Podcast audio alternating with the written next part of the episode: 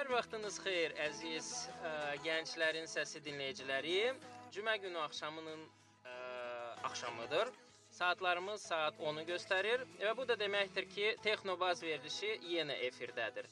Cümə axşamları milli mentalitetimizdə yığışıb, xalva yeyə-yeyə çay içdiyimiz günlər kimi qəbul edilir. İdarə rəisləri yerində tapılmır, yollar çadırlarla dolur, bir-birləri ilə müəyyən əlaqəsi olan qohumlar, tanışlar, dostlar, dostlarının dostları, aylarla görüşməyən cəmaət bir araya gəlib bir-biri ilə xəbərlərini paylaşır, telefondakı şəkilləri göstərir, planları, fikirləri ilə bölüşür tanış gəlir. Əlbəttə bu milli sosial social networkdur. Mən e, birinci dəfədir bizi dinləyənlərə e, yada salmaq istəyirəm ki, e, Gənclərin Səsi radiosunun efirində gedən Texnobas verilişi texnologiyalar haqqındadır. Biz bu günləri əlbəttə ki, cümə axşamları haqqında danışmayacağıq, amma social network haqqında danışacağıq, hətta və hətta yerli sosial şəbəkələr haqqında danışacağıq. Bu bir qədər spesifik bir mövzudur. Baxmayaraq ki, hamımız social networklardan istifadə edirik, Ə, yenə də bizim onlar haqqında bilmədiyimiz çoxlu şeylər var və ə, hər kəsin social networklar haqqında fikirləri müxtəlif ola bilər. Öz fikirlərini bizləri ilə paylaşmaq üçün studiyaya təzə bir qonağı çağırmışıq. Bu əgər anonsda oxumusunuzsa Burada yazılır ki, qonağımız internet texnologiyaları üzrə ekspert Eyvaz Qocayevdir. Özünü təqdim elə. Ə, mən bugünkü ə, belə deyək, sizin verilişinizə ə, internet layihələr üzrə menecer kimi gəlmişəm. Hı -hı. Ə, və ə, mövzudan da bəllidir ki, ə, bu gün biz milli ə, belə deyək də sosial şəbəkələri müzakirə eləyəcəyik. Hansı layihələr üzrə menecersən? Hansı layihələr ə, həyata keçirmisiniz? Bir çox internet Bizim layihələr var ki, verilişdə reklam açıqdır. Yəni kağıdlarını çəkə bilərsən. Yo, mən ə, reklam eləmək niyyətim yoxdur hər hansı bir layihələrə. Ə, məncə ehtiyac yoxdur, yəni ad çəkməyə. Məncə ehtiyac var. Ya bir çox layihələr var ki, ə, bu günə qədər mən ə, həmin layihələrdə iştirak eləmişəm. Hı -hı. Ə, Ən populyarı hansıdır? Yəni ki, belə deyək, Eyvaz Qocayevi tanımayan insanlar ə, onun saytlarından birini eşidib desinlər, "Hə, Misal üçün mən birini, yəni reklam xarakterli deyil, yəni e, hər kəs bunu bilir. Ona görə mən hesab edirəm ki, bunu e, deyə bilərəm. Sumqayıt.xəbər.com saytı deyə bilərəm. Vəssalam. Kifayət qədər e, tanınmış bir saytdır ə, Sumqayıtlılar arasında ən azından. Reklam etməkdən çəkinmək lazım deyil. Layihələr üzrə menecer olaraq öz layihəni reklam etmək əslində sənin borcundur. Ona görə əgər fürsət varsa, o həmin fürsətdən istifadə etmək lazımdır. Yerli sosial şəbəkələrdən belə deyək də menecerlik etdiyin hər hansı bir layihə varmı? Əməkdaşlıq elədiyimiz layihələr var. Mən ümumi hesab edirəm ki, bu mövzuya toxunmalıyıq. Yəni yerli sosial şəbəkələrin ə, belə deyək də ə, əhəmiyyəti və yaxud da yerli sosial şəbəkələr nə, niyə üçün uğurlu deyil, nə üçün ə, belə deyək də internet istifadəçiləri arasında populyarlıq qazanmır hesab və Hesab eləyirsən ki, uğurlu deyil milli sosial şəbəkə fikri. Hər halda bu günə qədər belə deyək də uğurlu bir layihə olmayıbdı davamlı uğurlu olaraq. olmayanlar hansılardır? Yəni bir biraz belə Bu günə qədər ə, siz məndən daha yaxşı bilirsiniz Əlbəttə bu layihələri. Ki. Amma qonaq sənsən. Mən yumru, səni yumru var ə, vaxtı ilə yaradıldı bir sosial şəbəkə kimi elə yaranan kimi əlbəttə ki ə, belə deyək də populyarlıq qazanmadı bir... və bundan sonra da bir çox ə, sosial şəbəkələr yarandı. Məsəl yəni mən indi adlarını çəkib ə, indi fəaliyyət göstərənlər var, ona görə onların adlarını çəkmirəm. Yox, fərqi yoxdur. Yəni ki Amma bu günə qədər belə deyək də yaradılmış Əgər bütün yerli sosial şəbəkələri artıq uğurlu layihə adlandırmısansa, yəni ad çəkməkdən, yəni artıq biabır elədin onları. Yəni Yox, biabır eləmirəm. Sadəcə olaraq belə deyək də sosial şəbəkədə yaradıblar. Uğurlu ümumiyyətlə layihə odur ki, e, qarşıya qoyulmuş hədəfə çatılsın. Yəni bəlkə də kimsə e, bu sosial şəbəkələri yaradanda qarşısına məqsəd qoyub ki, 1000 nəfər üzvü olacaq bu sosial şəbəkənin hər hansı bir e, auditoriya üzrə. O buna nail olubsa, deməli uğurlu layihədir. Yəni o hədəfinə çatıbdır. Ancaq bu gün bizdə sosial şəbəkələr, yəni yerli sosial şəbəkələr yaradılanda əksəriyyəti qarşısına böyük bir hədəf qoyur ki, biz e, belə deyək də Facebook-dakıları e, çıxardıb bura gətirəcəyik, bu sosial şəbəkədə olacaqlar və yaxud da Adnoklassnikdəkilər e, gəlib burada ancaq e, oturub müzakirə eləyəcəklər və yaxud da istifadə eləyəcəklər. Bu baxımdan mən hesab edirəm ki, e, bu cür e, hədəf götürən insanlar, o saytı yaradanlar e, uğur qazanmayıblar. Yəni uğur qazansaydı biz konkret olaraq e, həmin layihəni müzakirə edərdik bu gün burada. Ə, belə bir şey mən soruşmaq istəyirəm. Sən hər zaman bu gün, bu gün, bu gündən istifadə eləyirsən. Məsəl üçün yerli sosial şəbəkə bu gün yox, məsələn, 20 il bundan əvvəl yaransaydı, o uğur qazanardımı səncə? Yerli sosial şəbəkə əlbəttə ki, bəlkə də qazanardı. Sadəcə olaraq bunu təqdim etməkdən asılıdır. Bilirsiniz ki, sosial şəbəkələr ə, hələ ə, Usernet 1979-cu ildən ilk dəfə ə, yaradıldı, amma uğur qazanmadı. Yəni o dövrdə o qədər də internet yox idi, sosial şəbəkələr ə, populyar deyildi ad olaraq. Amma 1997-ci ildə ilk sosial şəbəkələr ə, yaranmağa başladı artıq. Amma bundan sonra ə, bilirsiniz ki, 2004-cü ildə ə, yaradılan ə, Facebook daha çox populyarlıq qazandı.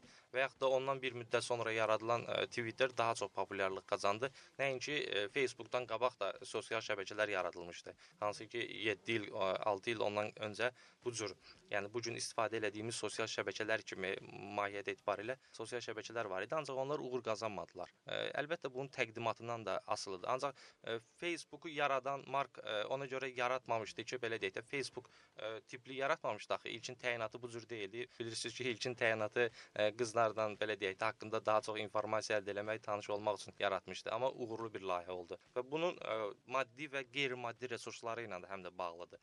Mən hesab edirəm ki, bu gün sosial şəbəkələrə Mənə elə gəlir ki, yumrunun maddi və qeyri-maddi resursları kifayət qədər yaxşı idi.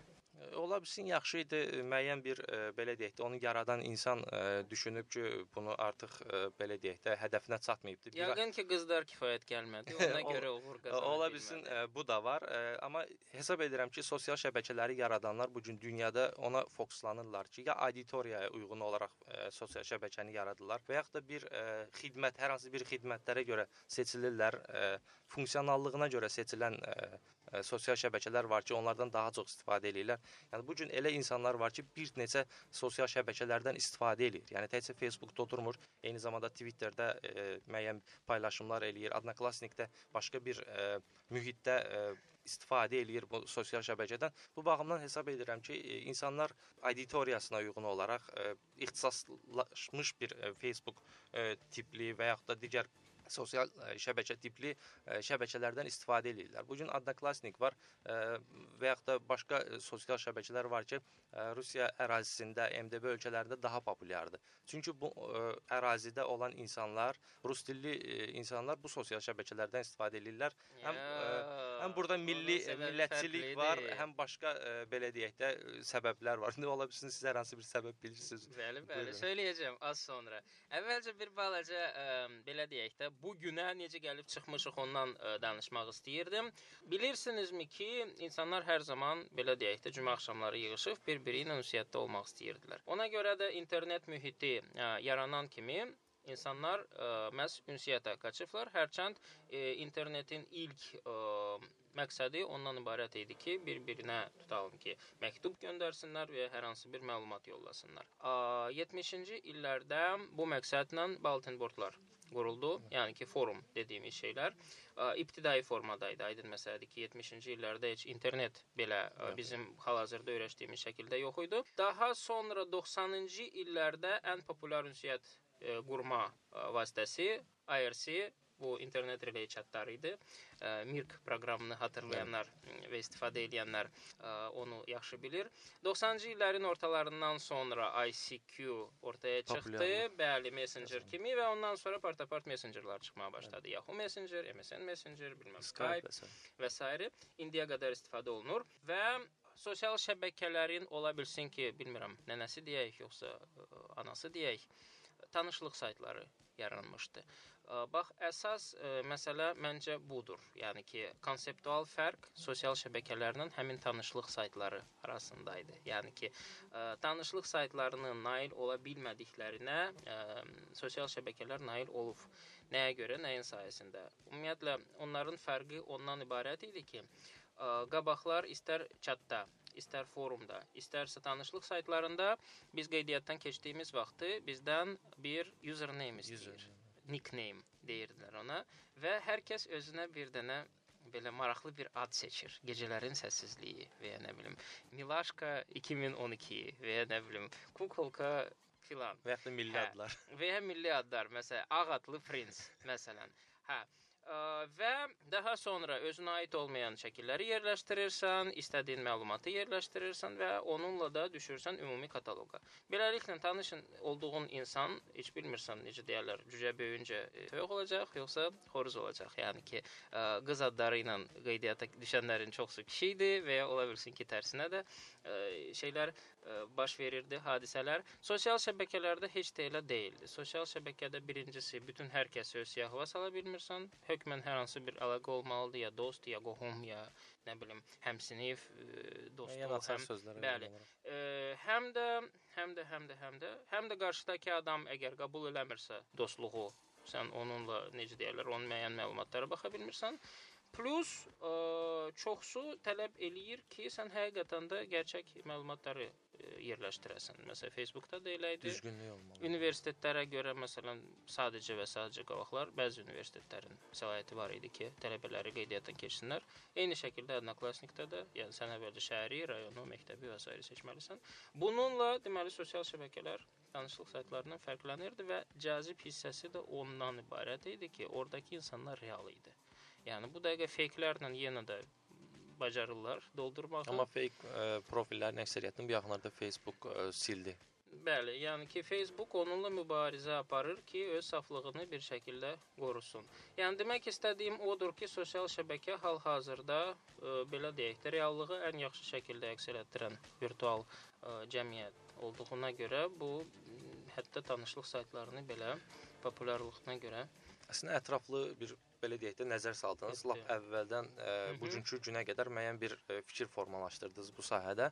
Ə, mən hesab edirəm ki, yəni sosial şəbəkələrin bayaq qeyd elədiyim kimi müəyyən bir funksionallığı olmalıdır. Hansı ki, istifadəçisi bu rahat istifadə edə bilsin və qarşı ə, qarşıya qoyduğu o xidmətlər ki var, o xidmətlər digərlərindən fərqlənməlidir və ə, müəyyən bir insanların ə, istəklərinə uyğun olmalıdır ki, o insanlar ondan istifadə eləsinlər. Bu baxımdan Facebook ə, düzdür, ə, bir çox ə, funksiyaları ilə, bir çox xidmətləri ilə, üstünlüyü ilə seçildi və insanlar da bundan istifadə elədilər. Mənə elə gəlir ki, yox.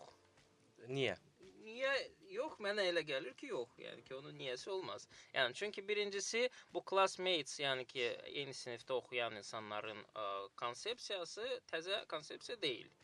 Yəni ki, birinci sosial şəbəkə bunun üzərində qurulan ə, sosial şəbəkə nə vaxt yaradıldı bilirsən?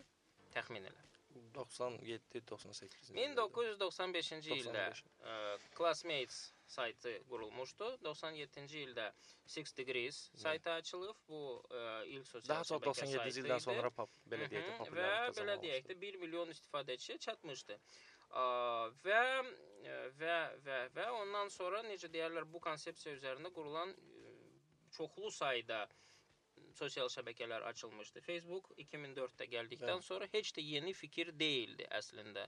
Onun əslində ə, belə deyək, gəl gəl deyib cəmaatı cəlb eləyən tərəfi ondan ibarət idi ki, o qabaqcadan restrikt olub. Yəni ki, bir çox elitar universitet üçün ə, nəzərdə tutulmuşdu və ə, digərlər məhz ona görə, Harvarda ə, görə. bəli, ona görə qoşulmağa cəhd göstərirdilər ki, Harvardakı, nə bilim, insanları ilə, tələbələri ilə, xüsusilə də qız tələbələri ilə tanış olsunlar. Mən ona görə bayaq demişdim ki, bir layihənin Azərbaycanda populyar olması ona görə deyil ki, o rus dilindədir. Ona görədir ki, orada rus qızları tapmaq mümkündür. O MDB məkanında doğrudur. Əslində düz qeyd edirsiniz. E, yəni Facebooku siz qeyd elədiniz ki, e, orada daha çox elitar təbəqə var idi. Yəni bu gün bunun e, biz Twitter kimi e, üçün deyə bilərik. Yəni bu gün Twitter deyəndə daha çox e, mən e, görürəm cəmiyyətdə də müzakirə olunur ki, orada prezidentlər də var, orada başqaları da var və s. Yəni bu e, müəyyən qədər insanları cəlb edir. Bu yaxınlarda hətta Azər bir status yazmışdı, onun statusuna Faiq Ağayev cavab vermişdi.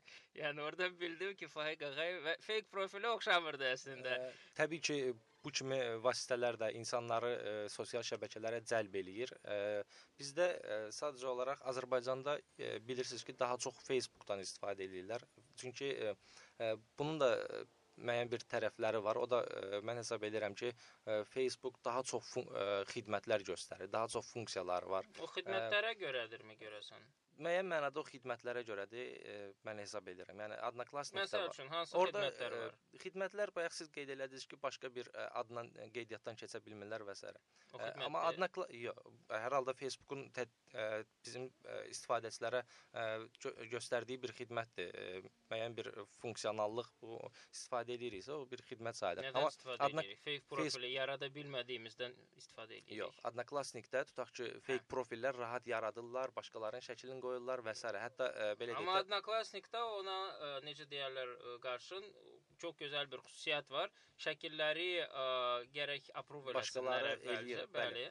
Amma ə. Facebookda ümumiyyətlə buna çox az nadir hallarda rast gəlmək olur. Tutaq ki, açıq-saçıq şəkillərə Adnaklasnikdə və yaxud da digər sosial şəbəkələrdə siz daha çox rast gələ bilərsiniz, amma ə, Facebookda bu demək olar ki, çox az nadir halda rast mən gəlir. orada da rast gəlmirəm, burada da rast gəlmirəm. Çünki mənim ə, necə deyirlər, həm Adnaklasniklarım, həm də Facebook dostlarım. Yox, məndə də kifayət qədər belə Yəni ən açıq-saçıq şəkillər adətən yay vaxtı cəmaətin plyajda çəkdirdiyi belə E, mən toples mən- şəkilləri olur. Mən nə baxımdan deyirəm? Siz bayaq qeyd elədiniz ki, Azərbaycanlılar ona görə ə, Adnaklasnik kimi saytlarda daha çox gedirlər ki, orada ə, belə deyək də qızlar daha çoxdular. O baxımdan mən hesab edirəm ki, ə, yəni bu cürdür vəziyyət.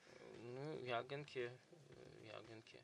Ə, Mənə elə gəlir ki, yerli sosial şəbəkələrin uğursuzluğu məhz ondadır. Yəni ki, milli sosial şəbəkədə ə, belə deyək də, rus qızlarının sayısı az olduğuna görə bizimkilər ə, bizim qızları onsuz da küçədə gündəlik olaraq görürlər. Bir də ə, yerli sosial şəbəkəyə girib orada onlarla tanış olmanın belə deyək də bir ə, ehtiyacını hiss eləmirlər. İmkanlar məhduddur. Biz yerli sosial şəbəkələri e, hesab edirəm ki, müəyyən qədər e, yaradan insanlar bir çox məsələlərə diqqət yetirməlidir. Tutaq ki, yerli bir sosial şəbəkə yaradırsansa, e, o müəyyən o funksiyaları ilə və yaxud da auditoriyası ilə fərqli olmalıdır. Tutaq ki, hər hansı bir auditoriyanı əhatə edən bir sosial şəbəkə yaradılsa, mən hesab edirəm ki, Azərbaycanda daha çox populyarlıq qazanır. Siz bilirsiniz ki, e, dünyada var bu cür e, sosial şəbəkələr, müəyyən ixtisaslar üzrə sosial şəbəkələr var. Tutaq ki, xarici dil öyrənmək üçün ə, istifadə olunan bu gün onlarla sosial şəbəkə var ki, həmin sosial şəbəkəyə insanlar ona görə girirlər ki, tutaq ki, hər hansı bir xarici dili öyrənmək üçün məqsədi ilə girirlər. Yəni başqa niyyətləri yox. Və yaxud da hər hansı bir ə, ideoloji bir ə, xətt üzrə ə, sosial şəbəkə yaradılsa, ə, o daha çox populyarlıq qazana bilər. Ə, hər hansı ə, tutaq ki, ə, tələbələr üçün ancaq tələbələr ə, orada daxil ola bilərlər. Ə, Bu uğur qazana bilər və yaxud da ə, Amerikada Facebook necə yarandı? Harvard Universiteti üzrə yarandı. Tutaq ki, Bakı Dövlət Universiteti, Qafqaz Universiteti və yaxud da digər universitetin bir sosial bir şəbəkəsi olsa, bu daha çox mən hesab edirəm uğur qazana bilər. Nəyə Yəni- görə? Yəni həmin insanlar, o ə, auditoriyaya aid olan insanlar, o olar ki, ondan O auditoriyaya onlar onsuz da sahibdir. Yəni internet mühiti adətən real həyatda nail ola bilmədiyin, mövcud olmayan bir mühitin alternatividir. Yəni bu, Bu ikinci dünyadır. yaradacaq. Bu da ikinci bir dünya yaradır. Yəni ki, mən onsuz da müəyyən universitetdə oxuyuram. Onsuz da gündəlik olaraq bu insanların sifətlərini görürəmsə, bir də sosial şəbəkəyə girib yenə də həmin insanların şəkillərini görmək mənim üçün nə O əhəmiyyəti var. e, Facebooku yaradanda niyə e, o da əhəmiyyəti yoxdur. Onlar da Harvardda oxuyan bütün tələbələri görürdülər o zaman. Sadəcə onun funksionallığı e, belə deyək də xidməti ondan ibarətdir ki, hər kəs girib e, oradakı qızlara o, zaman bilirsiniz ki, səs verirdilər e, Facebook istifadəçilərinə, yəni ilkin zamanda. Valla bilmirəm. Yəni ki, mən bununla ona görə bu şəkildə razılaşmayacağam. Bilirəm ki, ixtisaslaşmalıdır. Sadəcə olaraq tutaq ki, e, Azərbaycanda e, müəyyən bir əhatə e, olunan, yəni auditoriyaya uyğun olaraq bir e, insanlar yığışan sosial şəbəkə yaradılsa, mən hesab edirəm ki, bu daha çox uğur qazana bilər. Bu gün e, milli sosial şəbəkələr var ki, üzvlərinin sayı 500-ü keçmir. Yəni bu baxımdan mən hesab edirəm ki, yəni e, tutaq ki, Bakı Dövlət Universitetində e, 5000, 10000 insan təhsil alır və yaxud da ondan öncə də e, nə qədər insanlar indiyə qədər təhsil alıblar, həmin universitetin məzunu olublar. Bunlar daha çox uğur qazana bilərlər, e, nəinki indiki sosial şəbəkələr. Mənə elə gəlir ki, ə, əslində başlanğıcda belə qəşəng bir ideya olan ə, Harvard üçün sosial şəbəkə yaratmaq və onu bir qədər elitar saxlamaq ə, ideyası əslində birazdan ə, bizim Mark başa düşdü ki, onunla çox uzağa gedəməyəcək. Onun üçün ikinci universiteti qoşdu. Ondan sonra üçüncüsünü qoşdu, beşincisini qoşdu. Ondan sonra başqa ölkələri qoşmağa başladı. Yəni tək Harvardla qalsaydı, bu da Harvardın tələbələrinin sayı keçməyəcəkdi. Yəni ki, uğur məhz genişləmədədir. Əlbəttə ki, genişlənmədədir. Mən sadəcə olaraq onu demək istəyirəm ki, yəni bu gün yerli sosial şəbəkə yaradıb 200-300 üzvü olmaqdansa, ə, bu cür addım atıb ə, heç olmasa 1000-2000 üzvü olub da sonra başqa bir universitetlərə və yaxud da başqa bir HT-yə, auditoriyaya çıxmaq daha uğurlu olar. Nəinki bugünkü vəziyyət. Qarantiya varmı ki, ə, onu belə şeyləsən uğurlu olacaqdır? Mən hesab edirəm ki, bu cür ə, layihələr ə, Azərbaycanda daha ə, çox belə deyək, populyar, populyarlıq qazanar, uğur qazanar, nəinki ə, Facebook tipli bir sosial şəbəkənin kopyasını yaratmaq. Dinləyicilərdən birindən belə bir şərh gəlib ki, məncə Azərbaycanda yaradılan ilk sosial şəbəkə Baku Page saytını hesab etmək olar. Hətta Facebookdan əvvəl yaranıb. Hə, Facebookdan əvvəl yaranmışdı 100%. Bu reklam. Keç, keçmiş əsrdə belə yaranmışdı. Yox, inanmıram ki, reklam ə, olsun, amma yəni Baku Page-dən istifadə eləyirsən ümumiyyətlə. İndi hazırda yox. O vaxt ə, çox əvvəllər yaranıb. Yəni Sumqayıtda olduğuna görə Baku Page-i o qədər 2000 ola bilər. hə, yəni milliyyətçi bir dənə Sumqayıt Page yazsaydınız, Onlar daha çox uğur qazanar, nəinki Bakıda belə bir şəbəkə yaratmaq. Prinsipcə vaxtı ilə hə, həm birinci idi, demək olar ki, bu qədər. Orada bir faktor daha var idi. Orada sadəcə Azərbaycanlılar deyil, orada başqa millətlərə mənsub, amma Bakıda yaşayan ə, insanlar ə, da qoşulurdu həmin şəbəkəyə. Bakı Page-ə qayıdaraq ə, nə demək olar? Əslində çox gözəl layihədir. İndiyə qədər də davam edir və mən hesab edirəm ki, bax bu sosial şəbəkə ola bilərmi? Hesab oluna bilərmi? Ola bilər. Əlbəttə o vaxt ə, yadınızdadırsa Azəri forum var idi, net ə, bir saytı var idi. Hı 2000 səhv eləmirəmsə 3-4-cü illərdə populyar bir sayt idi. Yəni o da forum idi, ə, bir növ sosial şəbəkə idi. İnsanlar orada ə, fikir paylaşırdılar, ünsiyyət qururdular və s. Yəni ə, Facebook ə, sosial şəbəkə deyəndə təkcə Facebook, Twitter, yəni ə, ağla gəlməməlidir. Yəni burada tutaq ki, Yox, YouTube, ə, Twitter YouTube da ə, sosial şəbəkə ə, sayılır müəyyən mənada video paylaşım və yaxud da dünyada var Flickr kimi ə, ə, şəkil paylaşımı sosial şəbəkələri var. Başqa sosial şəbəkələr var. O vaxt ə, sosial şəbəkələr deyəndə ə, belə deyək də siz bayaq qeyd elədiniz o çatlar var idi o zaman. Hı -hı. Ə, forumlar ə, sosial şəbəkə sayılırdı. Ə, Daha sonra bloq ə, saytları yarandı. Tutaq ki, Azəri bloqdur, sonra Azəri sayt. Yəni bunlar da müəyyən mənada bir sosial şəbəkə ə, funksiyasını yerinə yetirə bilirdilər. Yəni insanlar orada hardasa bayaq dediyim kimi yenə də sosial şəbəkə nickdən, nickname-dən uzaqlaşıb real adlara keçmə mərhələsindən sonra daha ortaya çox çıxan populyarlıq qazanır. Populyarlıqdan söhbət getmir. Yəni ki, o sosial şəbəkə o vaxt olmağa başlayır ki, sən real adla real məlumatları paylaşaraq real ə, belə deyək də tanışlıqlardan ə, əmələ gələn bir ə, müəyyən bir mühit əmələ gətirirsən. Sosial şəbəkə odur. Yoxsa əks halda başqa bir ə, mahiyyət daşıyır. Yenə də Bakı Page ə, o vaxtda elə nickname-lərin üzərində qurulsa da müəyyən məktəblərə və digər ə, belə deyək də Bakıdakı obyektlərə bağlantısı, əlaqəsi olduğuna görə ola bilsin ki, onu sosial şəbəkə bəlkə də adlandırmaq olar. E, Və indiyə qədər yaşayırsa, ola bilsin ki, bu elə demək olar ki, tək ə, müəyyən ə, uğur qazanan bir layihədir. Siz onun uğurunu nədə görürsüz? Mən Uğurunu maraq- davamlılığında. Əgər bir sayt ə, populyarlığını itirmədən, istifadəçilərin sayını azaltmadan, aktiv istifadəçilərin sayını azaltmadan belə deyək də 10 ildir və 10 ildən çox müddətdir ki, mövcuddursa, deməli bu populyardır. Yəni bu insanlara lazımdırsa bu populyardır, uğurludur. Məncə. Yox? Düzdür, mənada düzdür. Bayaq mən qeyd elədiyim kimi, əgər ə, o insanlar öz hədəflərinə çatıblarsa, bunu uğurlu hesab eləmək olar. Yox, hədəflərini bilmirəm, amma yəni mənə elə gəlir ki, belə deyək də fəlsəfəçilər tez-tez sual verirlər ki, ümumiyyətlə həyatın mənası nədir? Mən özüm üçün bu suala cavab vermişəm. Həyatın mənası başqalara ə, lazımlı olmaqdadır. Yəni əgər lazım deyilsənsə, deməli artıq yaşamırsan. Həyatın Hər boşa gedir. şey, Əgər e, səhifə kiməsə lazımdırsa, həmin sayta kimsə girirsə, deməli o yəni yaşamağa ə, haqq qazanır. Bu yaxınlarda ə, saytlarda m, bir mənasız mənim nöqteyi nəzərimdən bir banner gördüm. Belə dünyanın xəritəsidir, qəribə rənglərlə və üstünə vurduğun zaman da belə qəribə adla butalife.com loqosunda da beta yazılır. Bir belə deyək də yəqin ki, sosial şəbəkə saytı açılır. Çünki haqqımızda bölməsi yoxdur. Heç bir şey haqqında oxuya bilmirsən, nə olduğu bilinmir. Birbaşa login məlumatları çıxır. Bu barədə bir məlumatın var. Bu nədir bu ümumiyyətlə? Mən hesab edirəm, siz qeyd elədiniz mənasız bir e, belə deyək də sosial şəbəkədir. Mən hesab edirəm ki, yeni yaradılmış bir sosial şəbəkə. Mənasız demədim, mənasız banner dedim. banner, yəni bannerə baxanda nə olduğu bilinmir. E, ola bilər. E, bannerin e, sizin diqqətinizi cəlb eləyibsə, məncə müəyyən mənada uğurlu e, bir bannerdir ki, siz ona tıklamısınız və daxil olmusunuz. Yox, mən bütün yeni bannerlara tıklayıram ki, baxım ki, o nədir. Yəni ki, mənim ə, belə deyək də Bu da yaxşı bir xüsusiyyətdir əslində. Mən də əslində internet texnologiyaları üzrə ekspert hesab olunuram. Ona görə ekspert olmağın üçün gərək xəbərin olsun bazardan.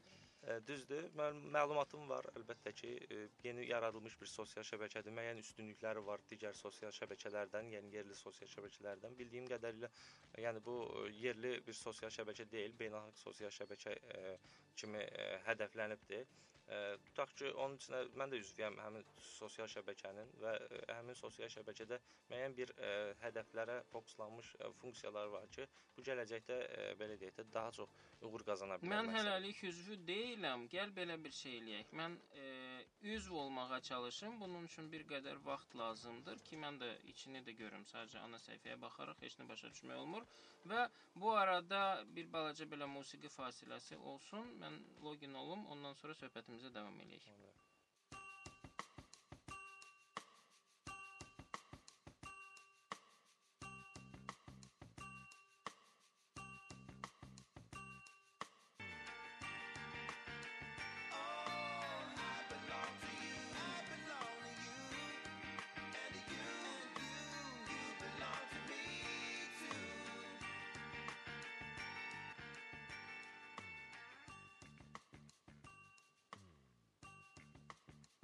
Mən bu da live.com saytını açmışam və qeydiyyat etməyə çalışıram. Yeni xəbərim var. Burada ə, aşağıda Azərbaycan dilinin linkini qoyublar və Azərbaycan dilindədir artıq. Qabaqlar ancaq ingiliscə idi. Hərçənd bu biraz qəribə Azərbaycan dilində idi, çünki yuxarıda keep me logged in yazılır, forgot your password yazılır. Ad soyadı yazdım. Təbrik edirəm sizi. İstifadəçi adı yazdıqdan sonra alta proverить занятость deyir. Yəni ki, bu belə deyək də multilingual ə, şəbəkədir. Yəni ki, ə, poliglot olmaq lazımdır. 3 dili minimum bilməlisən. İngilis, Azərbaycan və rus dilindən eyni anda bu deməli beta versiyadır, üzərində iş gedir hazırda, yəni tərcümənin bildiyim qədərilə. Beta versiyadır. Documail yazmaq lazımdır. Hansı e-mail yazım bura? Facebookda ən böyük problem ondan ibarət idi ki, o az domenli və e, e-mailləri qəbul eləmirdi vaxtıyla. E, mən də prinsipə düşmüşdüm. Dedim ki, mən bu e-mailimdən qeydiyyatdan keçəcəm. Boksaz deyildi təsadüfən. Yox, yox, yox, yox. Boksaz deyildi. Yəni ki, bizim öz mailimizə nə olub ki? A, tak, ad günümü də soruşur. Yazım da. Nə yazım? Dəqiq yazın. Yəni dəqiq yazsaz daha yaxşı olar. Bir, Yəqin ki, ilmi yazsam kifayətdir. Maraqlıdır Vahid müəllim, Azərbaycanda neçə yerli sosial şəbəkənin üzvüsüz? Maraqlısı bilirsən nədir? Maraqlısı odur ki, ad günümdə illərdə 1900-cü ildən başlayır ə, qeydiyyat. Yəni ki, nəzərdə tutulur ki, burada 100 ə, 12 yaşı olan insanlar da qeydiyyatdan keçə bilərlər. Ə, bayaqki sual nə idi?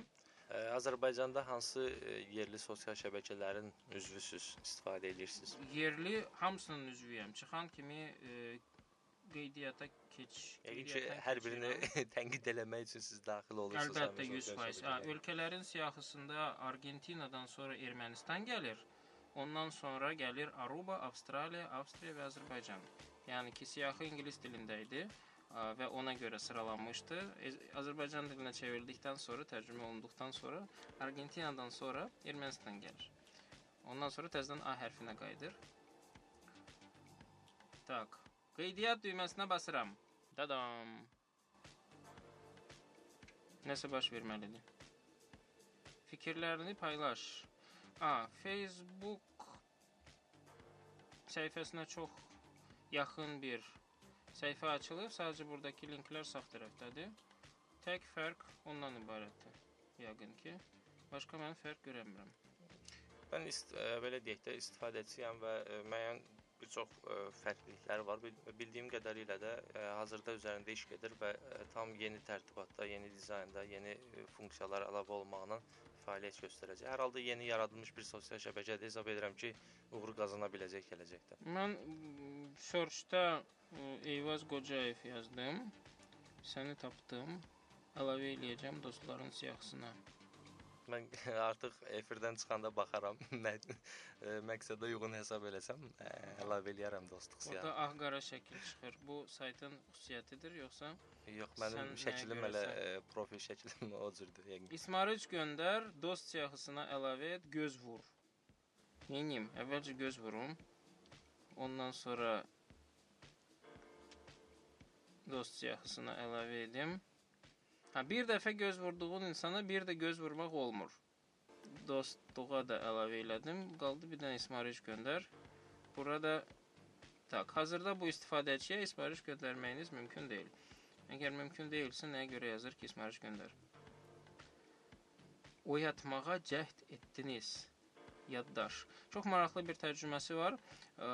Hər nə isə, yəni ki mən arzu edərdim əslində ki, madam ki bu ə, Buta Life adını daşıyır və bu Azərbaycanda yaradılmış bir e, sosial şəbəkədir. O ilə Azərbaycan dilindən başlayardı. Ondan sonra digər dillərə tərcümə olunardı. Burada mənə elə gəlir ki, proses fərqli gedir. Bu beynəlxalq ə, mən ə, beynəlxalq hesablanıbdı, yəni sosial şəbəkə kimi ə, hədəflənibdi. Yəqin ki bununla əlaqədardır. Yəni digər dillərdə də tərcümə olunacaq. Bildiyim qədərilə türk dilində, rus dilində və digər dillərdə yaxın günlərdə artıq istifadədə olacaq. Yəni ki, layihələrə uğur gətirən onların çox dildə olması deyil. Məsələn, Facebook-un Azərbaycan versiyası var, amma ki Mark qətiyyən nəzərdə tutmamışdı heç vaxtı ki, Facebook nə vaxtsa Azərbaycan dilində olacaq. O sadəcə imkan yaratdı ki, kimin ehtiyacı varsa öz dilinə tərcümə eləsinlər. Bu dil hansı olursa olsun fərqi yoxdur. Görünür ə, Azərbaycanlılar hesab ediblər ki, Azərbaycan dilinə də ə, tərcümə eləmək lazımdır, başlayıblar tərcümə eləməyə. Yox, yəni Dolar. pis olmazdı ki, onlar da ə, belə bir imkan verəydilər və özümüz ehtiyac varsa tərcümə eləyərdik. Ə, nə isə, yəni ki, belə bir fikir məndə yarandı ki, ə, bu yumrudan çox fərqli bir layihə deyil. Ən azından o nöqteyi nəzərdən ki, ə, Mark kimi təcrübəli və ya təcrübəsiz, amma ki qabiliyyətli proqramçıları yığıb onlara bunu sıfırdan yazdırmaq əvəzinə hazır ə, engine istifadə olunub. Bunu mən artıq 3-4 dəfədir görmüşəm. Nə deyək? Yəni pis şeylər arzulamaq istəmirəm. Hər halda milli internet ə, layihədir. Mən hesab edirəm ki, Vahid müəllim, milli ə, sosial şəbəkələrdir, milli internet layihələrdir. Artıq nə qədər bu bu cür layihələr yaransa, onu dəstəkləmək lazımdır və ə, çünki artıq ə, belə deyək də biznes adamları, iş adamları və ə, bu sahəyə bağlı olan adamlar və müəyyən bir maddi və qeyri-maddi resursları olan adamlar bu cür layihələri dəstəkləməlidirlər. İnternet layihələri. Yəni, Azərbaycanda da bu kimi layihələrin ə, mövcudluğu, fəaliyyət göstərməsi hesab edirəm ki, Azərbaycanda internet məkanında müəyyən bir inkişafa gətirib çıxardacaq. Bu baxımdan mən ümumiyyətlə yeni yaranmış bütün internet layihələrin uğur qazanmasını arzulayıram. Mən də arzulayıram, amma ki mən bir biznes adamı olsam və mənim yanıma bir nəfər gəlsə ki, belə bir layihəmiz var, bunu dəstəklə. Yəni dəstəklə cibindən pul çıxardıb ə, vermək əvəzinə, yəni ki mən belə başa düşürəm ki, ə, görülən işi və ya görüləcək daha doğrusu nəzərdə tutulan ideyanı müzakirə etmək, ona yeni şeylər qazandırmaq lazımdır. Yəni mən şəxsən bura nə qazandırardım? Mən yeni istifadəçi olaraq qeydiyyatdan keçdim və bu mənə heç bir şey təklif eləmir. Yəni Facebookda birinci gündən belə mənə həmən göstərirdi ki, sən bu insanları tanıya bilərsən. Ən azından ona görə ki, onlar səninlə eyni şəhərdə yaşayırlar və ya eyni Ə, ölkədə. Burada mənə heç nə təklif Mən eləmir. hesab edirəm ki, burada daha üstün bir cəhəti oldu ki, siz elə burada ə, məni tapdınız və dostluq göndərdiniz. Bu da bir tək ə, belə deyək də ə, uğurlu bir şeydir ki, elə siz daxil olan kimi ə, belə deyək, bir insanla artıq dost oldunuz. Mən- Hesab edirəm ki, uğurlu olacaq. Yəni mənim ayağım düşərli olacaq sizə və daha çox bilmirəm, insanla bilmirəm. Yəni e, mən dostluq əlaqəsi qura biləcəksiniz. çox ə, sanmıram, amma yəni ki, ola bilsin ki, ola bilsin ki. Yəni, ümid edirəm ki, gələcəkdə siz ə, həmin sosial şəbəkənin ən populyar bir üzvlərindən biri olacaqsınız, istifadəçilərindən. Yo, mən onsuz da populyar e, bir sosial şəbəkənin populyar bir özvüyəm. Ə, Populyar olmayan şəbəkələri populyarlaşdırmaq hal-hazırda planlarıma daxil deyildir. O biraz fərqli e, düşüncəyə sahib olan insanların ə, düşüncəsi ola bilər. Yəni əslində bu sadəcə yerli şəbəkələrə daxil deyil. Məsələn deyirəm ki, Google-da cəhd göstərdi. Ə, Plus ilə Bəli. o nə bilim çevrələri ilə ki ə, cəmaatı cəlb eləyəcək. O elə cəlb eləyə bildi. Hər kəs ə, ha, kimin ki Google akkauntu var, qeydiyyatdan keçdi. Gözəl, orada da akkauntum mövcuddur, amma mən ondan istifadə etmirəm. Yəni ki, Google-un ideyası zəif qalır. Ə, Məncə Facebook-un üstün cəhəti bir də ondadır ki, o davamlı olaraq inkişaf edir. Yəni bircə gün durmurlar. Hər zaman üzərində işləyirlər, yeni funksiyalar əlavə eləyirlər.